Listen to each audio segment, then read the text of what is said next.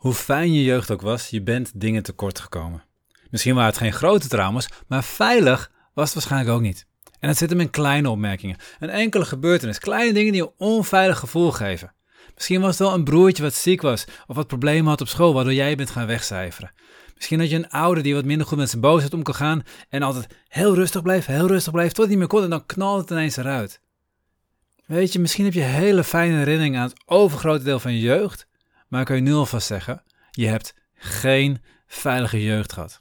En wat dat betekent voor jouw persoonlijke groei, hoe jij nu in je vel zit en hoe je veel gelukkiger kunt gaan worden, dat leer je in deze aflevering. Hey hallo, Bas van Pelt hier. In deze podcast wil ik samen met jou kijken hoe je vrij kunt leven. Los van stress en oude patronen. Hoe je de mooiste feest van jezelf wordt en jouw ideale leven creëert. Ik moet je iets vertellen. Je hebt geen fijne jeugd gehad. En misschien zeg je nu al van, wat een onzin Bas, ik heb wel een fijne jeugd gehad. Ik heb een geweldige jeugd gehad. En dat zeggen heel veel van mijn cliënten ook. Sterker nog, de meeste mensen hebben het beeld van zichzelf dat ze een fijne jeugd gehad hebben.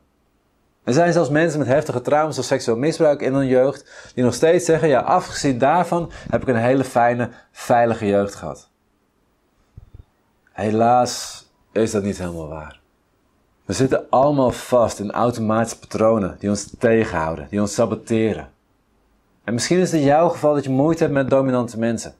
Misschien is het dat je moeite hebt om jezelf te uiten, om jezelf te laten zien. Durf jezelf te houden om niet te presteren. Durf jezelf daarom niet voorop te zetten. Hou jezelf klein. Misschien trek je continu de verkeerde vrienden aan. Heb je trek je continu de verkeerde, verkeerde relaties aan. Wat het ook is. We zitten 95% van de tijd vast in automatische patronen. 95% van de tijd reageer je vanuit automatische patronen. Die patronen zijn ooit aangeleerd.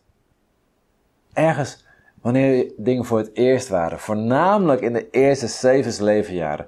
Bijna, ik ga niet zeggen alle patronen, maar bijna alle patronen zijn in de eerste zeven levensjaren aangeleerd. En dat is toch echt je jeugd. En dat is voornamelijk het gezin waar je vandaan komt. Als jij een geweldige jeugd hebt gehad, als je echt een hele fijne, veilige jeugd hebt gehad, ben jij 100% zelfverzekerd. Neem je 100% je eigen ruimte in. Vind je het super makkelijk om jezelf te laten zien, om, om je mening te geven, om je authentieke eigen waarheid te spreken in elke situatie tegen iedereen, zonder je op enige manier druk te maken wat mensen misschien van je kunnen vinden. Is dat zo? Ben je dat punt? Ik nog niet. Om eerlijk te zijn, ik ben nog nooit iemand tegengekomen die op dat punt is, die 100% zichzelf is. Niemand. Helemaal niemand. Met andere woorden, we hebben allemaal een stukje onveiligheid gehad in onze jeugd. We hebben allemaal een stukje gehad in onze jeugd waarin we een patroon aangeleerd hebben waarin we vast kwamen te zitten. En hier moet ik een stukje toelichten. Want trauma's zijn niet alleen maar die heftige gebeurtenissen die iedereen herkent als een trauma. Trauma is niet alleen maar als je uitgezonden wordt, en je maatje staat op, op, op, een bermbom en vervolgens zie je dat gebeuren en dan heb je een trauma. Tuurlijk, dan heb je een trauma, heb je een groot trauma. Als je seksueel misbruik meegemaakt hebt, heb je een groot trauma.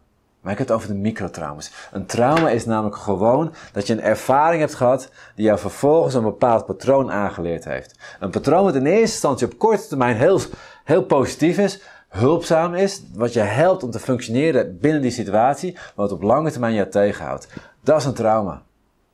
En dan heb je het over microtrauma's, zoals bijvoorbeeld dat je een broer hebt die uh, moeilijk gaat op school. En dat je ouders daar veel mee bezig zijn. En dat jij vervolgens onbewust tot de conclusie komt: oh, dan kan ik maar beter zorgen dat ik braaf ben, altijd mijn best doe, zorg dat ik totaal niet lastig ben en alles, altijd alles netjes voor elkaar heb. Want mijn ouders hebben het al zo zwaar met mijn broer. Dat kan een gedachte zijn die je zomaar uit jezelf concludeert uit het hele patroon. En dat kan uit één ervaring komen. Ik heb cliënten gehad die vertelden dat ook echt. Dat ze had die situatie en op een gegeven moment kwam ze, nou ze komt in, een oude herinnering terecht. Waarbij de moeder letterlijk tegen haar zei, nu even niet. We hebben de hele dag we met je broer geweest. Um, ga gewoon maar even lekker boekje lezen. Zoiets simpels. Het heeft bij haar de conclusie helpen trekken van oké, ik mag er eventjes niet zijn. Ik moet zorgen dat ik braaf ben, dat ik rustig ben, dat ik me gedraag. Eén is een ervaring. Is het een groot trauma? Nee, het is geen trauma. Het zijn die kleine dingetjes. Het is een broer die heel goed ging juist op school. Ik had een broer die altijd goede cijfers. Ik kreeg altijd horen, ja, je broer doet zo goed, je broer doet zo goed. Mijn moeder heeft zelfs één keer een zinnetje gezegd. En dat zal ze zichzelf totaal niet herinneren. Sterker nog, ze zal zeggen dat ze dat niet gezegd kan hebben, omdat ze dat helemaal niet gelooft. Maar die woorden zijn er ooit uitgekomen. Beter gezegd, ik denk mij te herinneren dat ik die woorden ooit gehoord heb. En of het waar is of niet, maakt niet uit. Maar het is bij me binnengekomen. En het heeft mij gevormd. Ik heb ooit de woorden gedacht te horen. Die problemen hadden met je broer niet. Dus ik had al een broer die op een voetstuk stond, voor mijn gevoel. En vervolgens krijg ik te horen, die is anders. Jij bent dat niet. Ik heb mijn hele leven het gevoel gehad dat ik me moest bewijzen ten opzichte van mijn broer. Dat heeft mijn relatie met mijn broer gevormd, heeft mijn relatie met mezelf gevormd. Is dat een veilige jeugd geweest? Ik heb een geweldige jeugd gehad. Maar stiekem toch niet. Ik kan je hier duizenden voorbeelden van geven. Allemaal situaties waarbij mensen zeggen: Ik heb een hele fijne jeugd gehad. En achteraf, als je gaat kijken, is hij toch niet compleet veilig geweest. Is er ergens een stukje in geweest waarin je niet de begeleiding hebt gehad die je nodig had. Waarin je tekort bent gedaan. Waarin je beschadigd bent geworden. En als ik heel eerlijk ben over mijn eigen situatie. Mijn ouders hebben ontzettend hun best gedaan. Mijn ouders hebben me alle liefde gegeven die ze konden geven. Op hun manier. En toch heb ik tekort gekomen. Toch ben ik beschadigd. Toch miste ik een stukje veiligheid. Miste ik een stukje begeleiding. Miste ik andere stukjes. Ze hebben me alles gegeven wat ze konden en ik ben tekort gekomen. Ik ben beschadigd. En dat is prima. Want ik heb nu de mogelijkheid, ik heb nu de kracht om zelf al die trauma's, die, die microtrauma's die ik heb ervaren, op te lossen. En echt mezelf te worden. En dat heb jij ook. Dus ten eerste, je hebt geen veilige jeugd gehad. Want anders was je 100% jezelf. En om eerlijk zijn, die mensen ben ik nog nooit tegengekomen. Dus er was een stukje wat niet veilig was. Er was een stukje waar een klein microtrauma zat. En ten tweede, dat is prima. Want je bent volledig in staat om dat te veranderen en dat op te lossen. Ik wens je toe dat je daar lekker mee aan de gang gaat. Dat jij gaat ontdekken wat er niet veilig was in je jeugd. Dat je in eerste instantie gaat erkennen van... hé, hey, er waren inderdaad stukjes waar ik beschadigd ben. Ik zal je een linkje sturen naar deze video. We zal hier een ietsje in beeld komen. Over hoe belangrijk, eh, belangrijk het is om te beseffen dat er überhaupt dingen zijn waardoor je beschadigd bent geweest.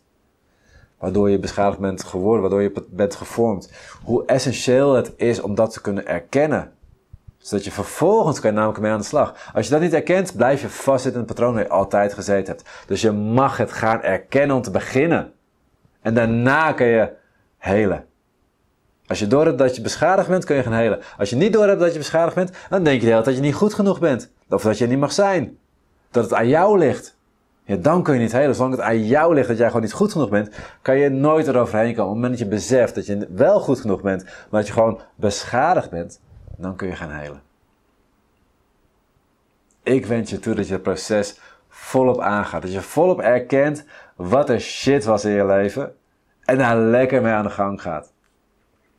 Ja, ik noem het lekker, want het is zo gaaf om te ontdekken. Ja, eerst is het pijnlijk, maar als je daar doorheen komt, is het zo gaaf om te ontdekken dat je echt jezelf kunt zijn. Dat wens ik je toe. Dit was de podcast van deze week. Ik ben heel benieuwd wat je van deze podcast vond. Geef je app even een duimpje omhoog of een review.